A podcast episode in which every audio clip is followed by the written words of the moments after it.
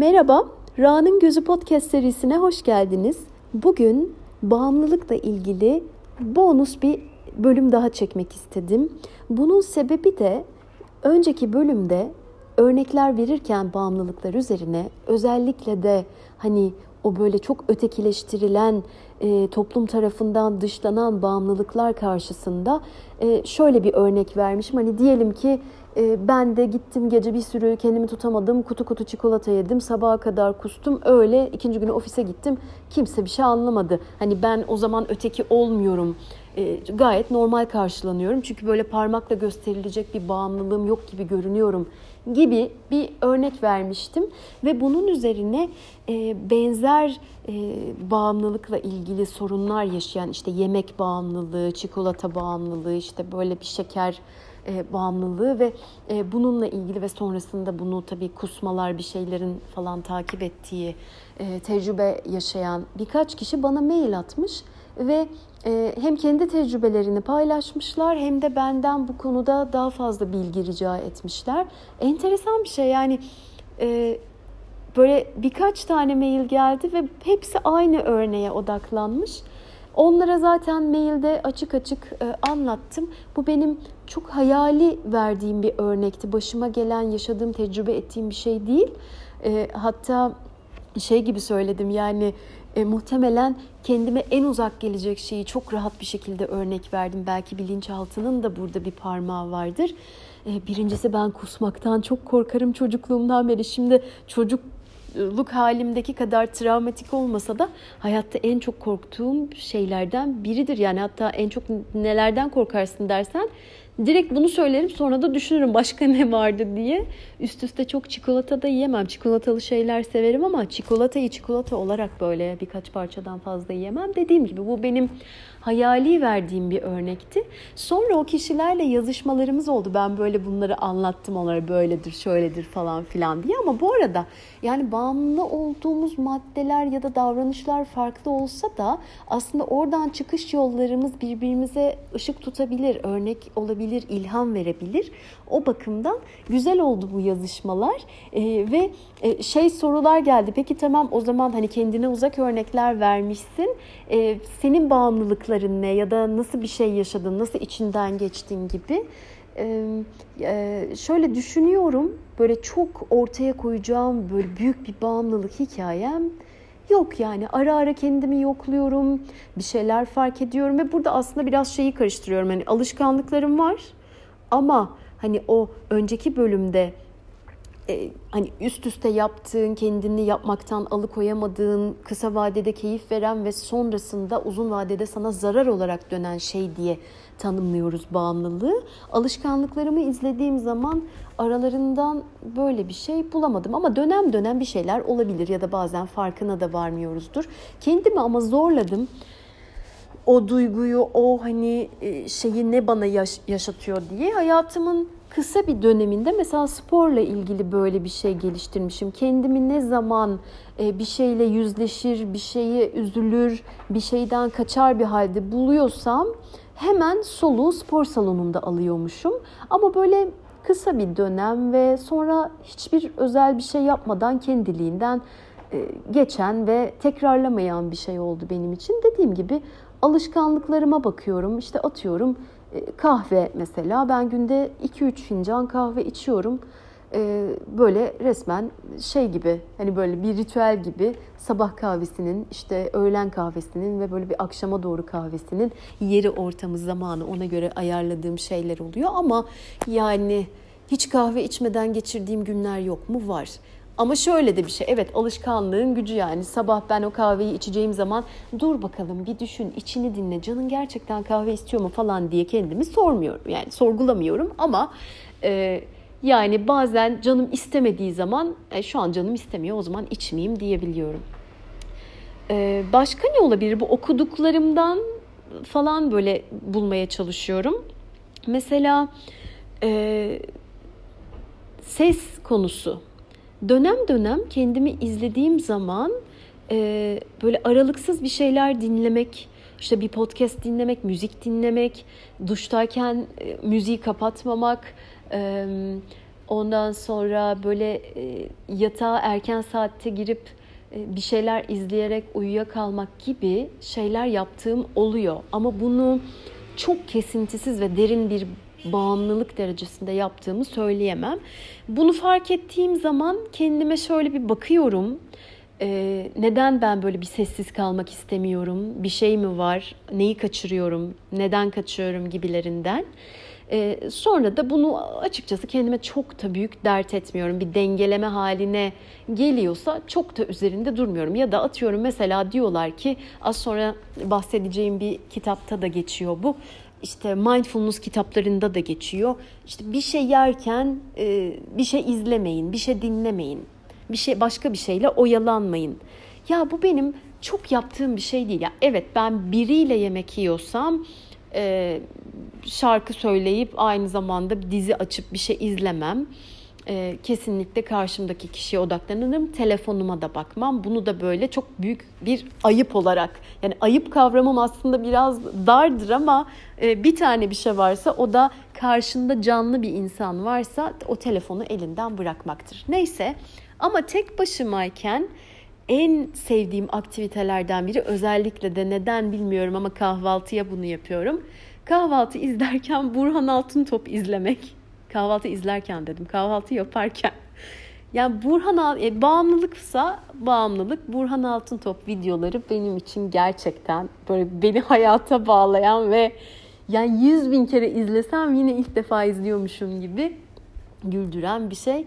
Az sonra yine kitaptan örnekler vereceğim ama ben bunun çok da böyle kötü bir şey olduğunu düşünüyorum. Ya da ben bunu kötü bir şey olarak algılamıyorum. Çünkü genelde mindfulness açısından da bakarsak işte biraz sağlıklı beslenme, e, mindful eating dedikleri böyle farkındalıkla yeme falan konseptlerinden bakarsak bunun altını çizmelerinin sebebi sen bir şey izlerken işin ucunu kaçırıp ne yediğinin farkına varmıyorsun, ne kadar yediğinin farkına varmıyorsun ve e, yani 300 kalori alacakken 1200 kalori alıp kalkabiliyorsun gibi bir e, tezleri var. Haklılar da bunu bu şekilde yapan insanlar vardır diye düşünüyorum.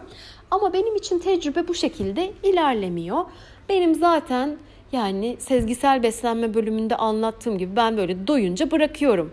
Yani hani e, izlemeye devam ettiğim sürece mutlaka bir şey yiyeceğim gibi bir şey yok. Ya da mesela kahvaltı yaparken izliyorum ama hani herhangi bir öğün dışında herhangi bir video izlerken bir şeye bakarken ille bir şey yemek zorunda da hissetmiyorum. Eğer ama öyle olsaydı muhtemelen bunun önünü kesmeye çalışırdım diyerek ben ve bağımlılıkların bölümünü burada bitireyim.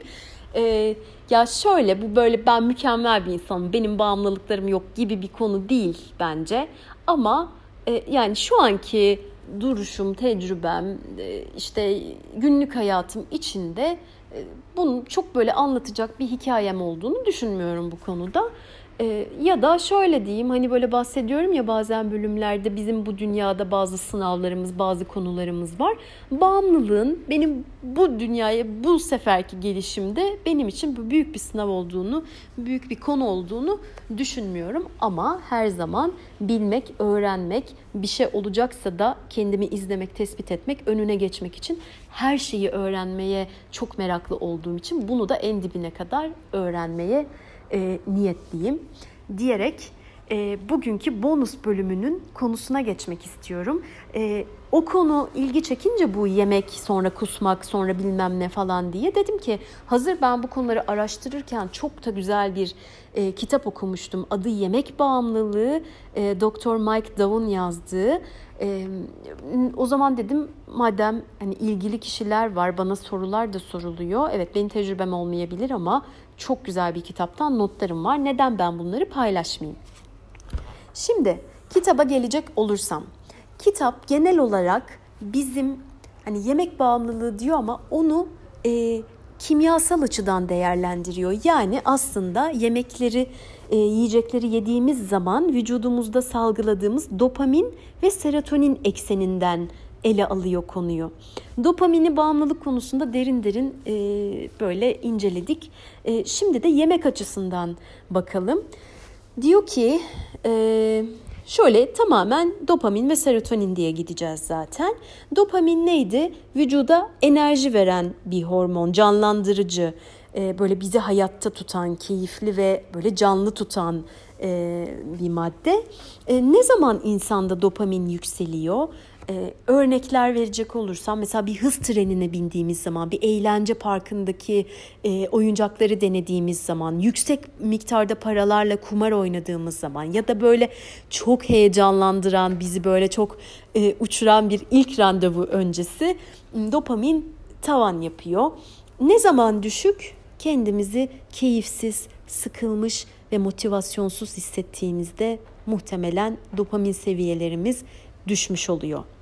Şimdi işin yemek kısmına gelecek olursak biz düşük hissettiğimizde dopamin seviyeleri düştüğü zaman yemek tercihlerimiz daha fazla yağlı şeylerden oluşuyor.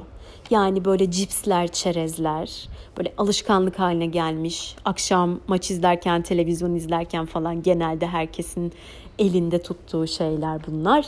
Ee, şimdi biz bunu fazlaca aldığımız zaman ne oluyor? E, dopamin eksikliğimizi bunlarla gidermeye çalıştığımız zaman e, çok fazla dopamin salgılamaya başlıyoruz. Nöronlar aşırı derecede çalışıyor. Ondan sonra bu bizim normalimiz haline geliyor. Bir toleransımız artıyor buna karşı. Sonra vücudumuzun bir denge ihtiyacı var. O dengeyi sağlamak için, yeni normalimize yaklaştırmak için daha fazla dopamine ihtiyaç duyuyoruz. Bu sefer gidip daha fazla o yağlı yemekleri yiyoruz. Beynimize dopamin yüklemiş oluyoruz. Nöronlar bu dengesizlikten zarar görüyorlar ve normal hissetmek için yine daha fazla daha fazla daha fazla yani yedikçe yiyesimiz geliyor. Bir gün yiyoruz üf tamam diyoruz yeter bugün yani bu son olsun. İkinci günü kendimizi yine aynı böyle sahnede buluyoruz. Yani aslında bir önceki bölümde bahsettiğimiz bağımlılık döngüsü gibi. Serotonin peki? Serotonin bizi sakin, huzurlu, iyimser, olumlu hissettiren bir madde. E, eksikliğinde ne oluyor? Sıkıntılı, kötümser, endişeli e, hissetmeye başlıyoruz. Bu aynı zamanda bizim genel olarak dünyaya bakışımız, gelecekle ilgili öngörülerimiz ve kendimizle ilgili duygularımız da yakından ilgili. Yani düştüğü zaman bu bahsettiğim konuların tamamında düşük hissetme riskimiz var. Peki dopamini yükseltmek için yağlı maddelere gittik. Serotonini yükseltmek için ne yapıyoruz? Şeker ve karbonhidrata saldırıyoruz. Bunların hepsi tabii ki bu döngüler bize sadece geçici bir süre için belli bir mutluluk sağlıyor. Yani az önce dopamin örneğinde verdiğim gibi serotoninimiz düşüyor, şeker ve karbonhidrata gidiyor elimiz. Geçici bir artış yaşanıyor, bir rahatlama yaşanıyor, sonra çöküş başlıyor. En baştakinden daha da kötü bir his. Onu toparlamak için daha fazla e, yine elimiz gidiyor. Böyle biz karbonhidrat şeker döngüsünde gidip gidip gidip geliyoruz. Ve aslında yani kalınca bir kitabı bir tane böyle bir birkaç cümleyle özetleyecek olsam bize şunu anlatmaya çalışıyor. İhtiyaç duyduğumuz fiziksel ve duygusal desteği sağlayamazsak beynin şeker ve karbonhidratlardan aldığı serotonine ve yağlı yiyeceklerden aldığı dopamine açlık duyuyoruz, onlara muhtaç hissediyoruz. Elimiz sürekli onlara gidiyor. Peki e, neden bu e, yemek bağımlılığı mesela bu yiyeceklerle ilgili şey bu kadar önemli yer alıyor e, dünyamızda ve yani ben biraz bu araştırmaları yaparken bunun ne kadar yaygın olduğu ve ne kadar böyle sınırlara ulaştığı konusunda kendimce şaşkınlıklar da yaşadım. Bunun şöyle sebepleri var aslında çok basit sebepler e, diğer maddelere ve aktivitelere göre yemeklere ve yiyecek maddelere ulaşmak bizler için çok kolay. E, yani herhangi bir süpermarkete gidip bu saydığım yiyeceklerin envai çeşidine ulaşabiliyoruz. Aynı zamanda yemeğin sosyal olarak en çok kabul gören uyuşturucu türü olması yemek bağımlılığının üstesinden gelmeyi ve yemekle olan ilişkiyi kontrol altında tutmayı zorlaştırıyor. Bu kitaptan aldığım bir cümle ve altını çizmişim. gerçekten önceki bölümde bahsettiğimiz gibi bir şeyin sosyal olarak kabul görmesi aslında yani o kadar da iyi bir şey değil diyorum bu kısmından bakınca. Çünkü bu illegal bir madde olsaydı bu kadar yaygın olmayacaktı belki de. Bilmiyorum. Yani şu an bana öyle geldi. Peki şimdi bu döngüleri anlattık. Serotonin düşük olunca işte endişeli, tedirgin, kötümser oluyoruz. Davranışlarda daha takıntılı, e, para, iş veya gelecek meseleleri üzerine düşünüp e, kaygılanan bir haldeyiz. Karar almaktan kaçınıyoruz, bağımlı, muhtaç hissediyoruz ve e, sık sık karbonhidratı şekere gidiyoruz. Dopamin seviyesi düşük olunca öfkeli, çaresiz, depresif, yorgun, umutsuz, motivasyonsuz hissediyoruz. E, davranışsal olarak da beklenmedik anlarda öfkeye kapılmak, en basit şeylerde bile motivasyonsuz olmak, yapacağına inanmamak, konsantre olamamak, yetersiz hissetmek e, gibi şeyler ve yetersiz hissettikçe de duyguları bloke ederek devam etmeye çalışmak gibi ve bazen de combo paket oluyor. Yani hem serotonin hem dopamin aynı anda düşük oluyor. İşte o combo paket gerçekten efsane bir şey tablo. Hani sabrının sınırında dedikleri kafası karışık gitmiş zıvanadan çıkmış donuk histerik güçsüz yani her şey bir arada. Davranışlarda da bazen iletişim kurmaya çalışıp bazen böyle buz gibi kesilip herkesten uzaklaşmak, kontrolden çıkmış gibi ağlamak, bazı şeyleri unutmak, kafanın çok karışması, kendini soyutlamak, çok az ya da çok fazla uyumak gibi gibi az önce saydığım her şeyin combo paketi işte diyor. Ve şimdi bunları yine böyle olur, şöyle olur falan filan diye üzerinden geçtik. Peki e, bu kitabın sevdiğim bir tarafı çokça çözüm önerisini bir arada bulundurması ve bir yerde tabii ki böyle hastalarından örnek veriyor Mike Dow ve e, bir hastasına söylediği benim de altını çizip defterime not ettiğim bir sözü var. Bunu yine e, kitap için söylediğim gibi bu cümleyi de aslında bağımlılık için değil hayatımızda birçok konuda e, kendimize hatırlatabiliriz. Diyor ki keşke sana herkesin arada bir kendini güvensiz, çirkin ve kontrolden çıkmış hissettiğini kanıtlayabilsem. Ben bu cümleyi çok beğendim. Bir terapistin hastasına söylemesinden de böyle ekstra hoşlandım. Çünkü e, bu bence birçok şeyin dönüm noktası olan bir kavrayış, anlayış, bakış açısı. E, biz bazen kötü bir deneyim yaşadığımız zaman kendimizi çaresiz, yorgun, bitkin, motivasyonsuz, belki bir drama içinde hissettiğimiz zaman e, Bizi en kötü hissettiren şeylerden biri de sanki ben dört duvar arasında bunları yaşarken herkes güzelce, mutlulukla, keyifle hayatına devam ediyor düşüncesi.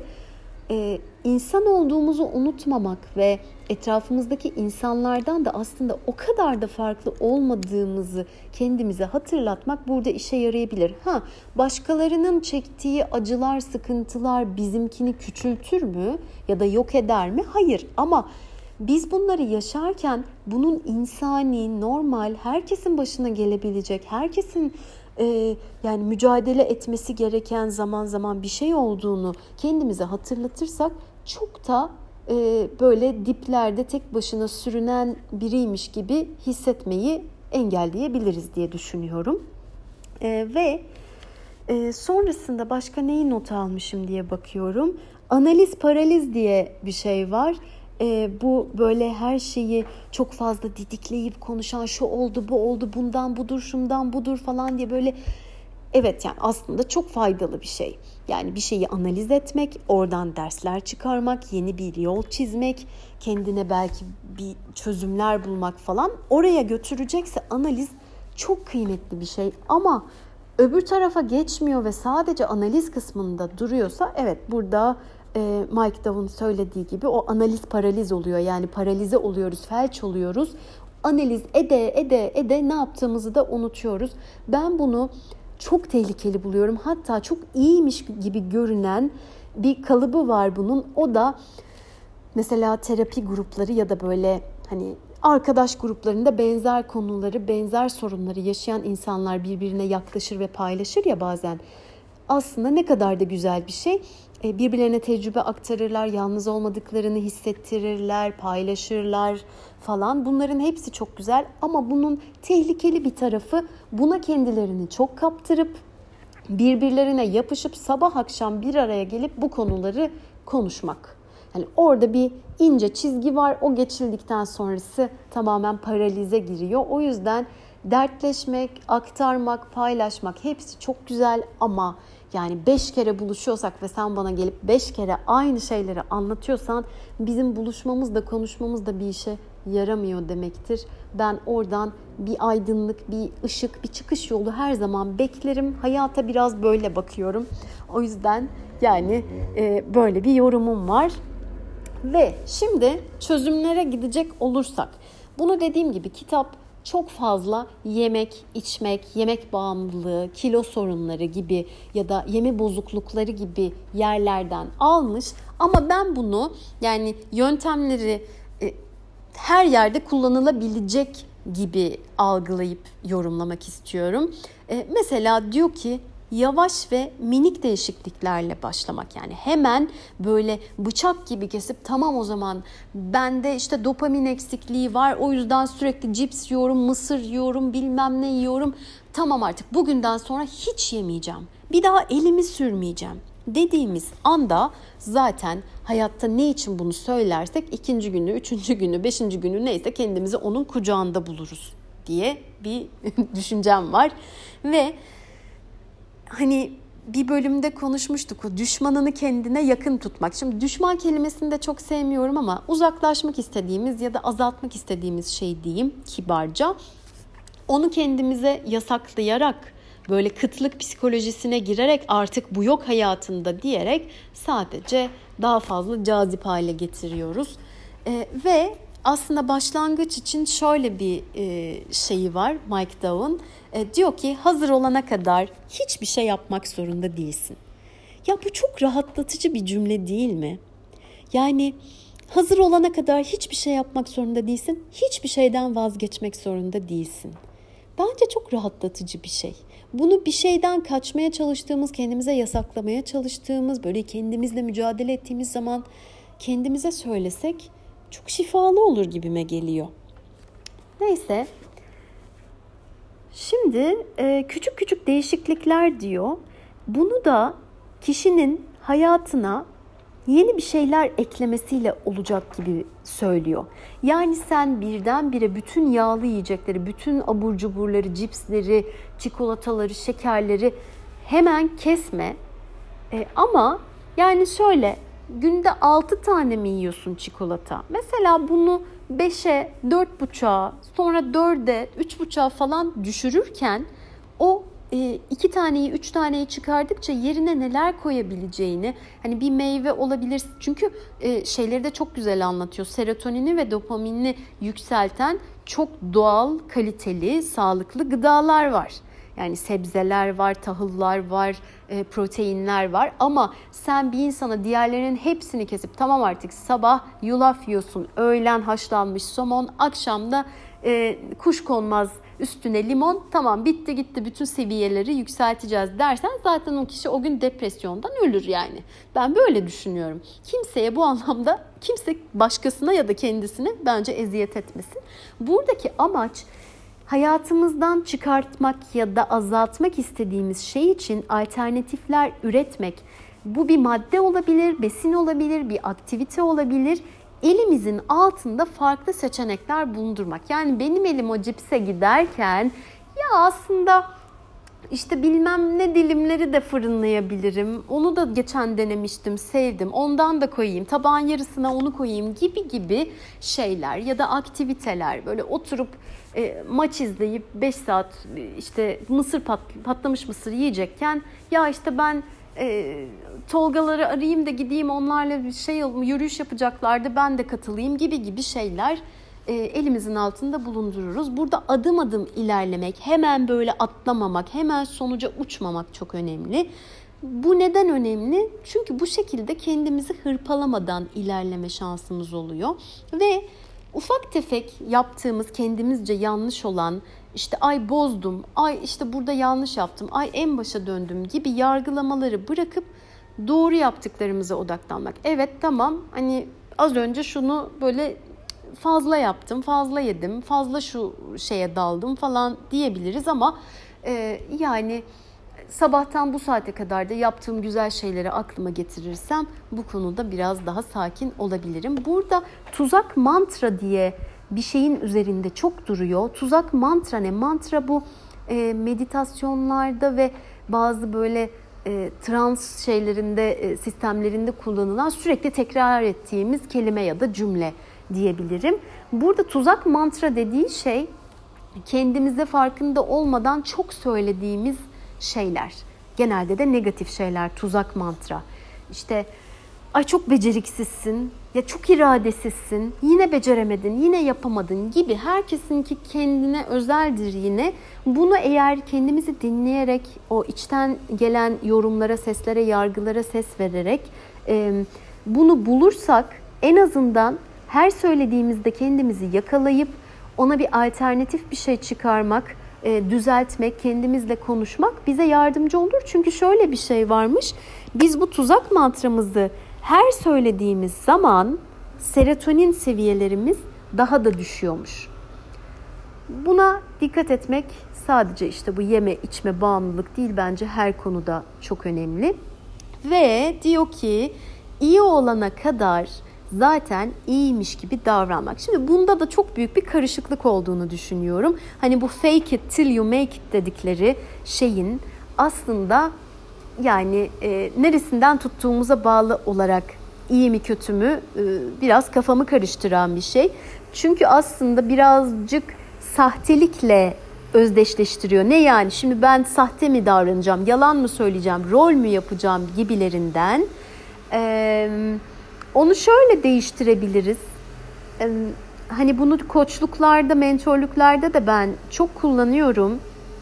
Ortaya bir hedef çıkarıyoruz ya. Yani hedef bir halimiz, versiyonumuz, kendimizin daha iyi, daha gelişmiş, daha beğeneceğimiz bir versiyonu. Sonra o versiyonun özelliklerini çıkarıyoruz. Nasıl biri, nasıl davranır, nasıl uyanır, nasıl konuşur. Yani neyi değiştirmek istiyorsak o konular üzerine yeni davranışlar, tutumlar, belki duygular koyuyoruz ve sonra diyoruz ki peki ben bugünden ne yaparsam, bugün nasıl davranırsam oraya daha kolay, daha çabuk ulaşabilirim.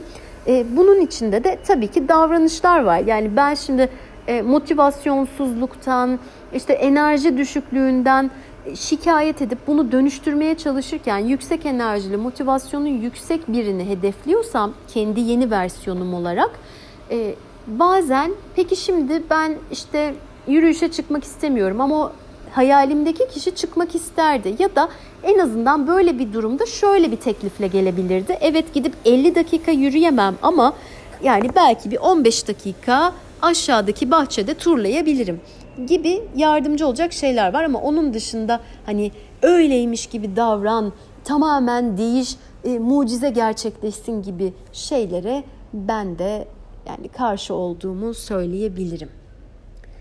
Şimdi dediğim gibi kitap oldukça kalın ve yeme içme bununla ilgili seanslar, bazı vakalar falan konusunda ve bununla ilgili tedavi programı konusunda da oldukça derin detay örnekler veriyor. Ben hani bizi az önceki bölüme referans olabilecek e, yardımcı olabilecek bölümlerle ilgili aldığım notları paylaşmak istedim.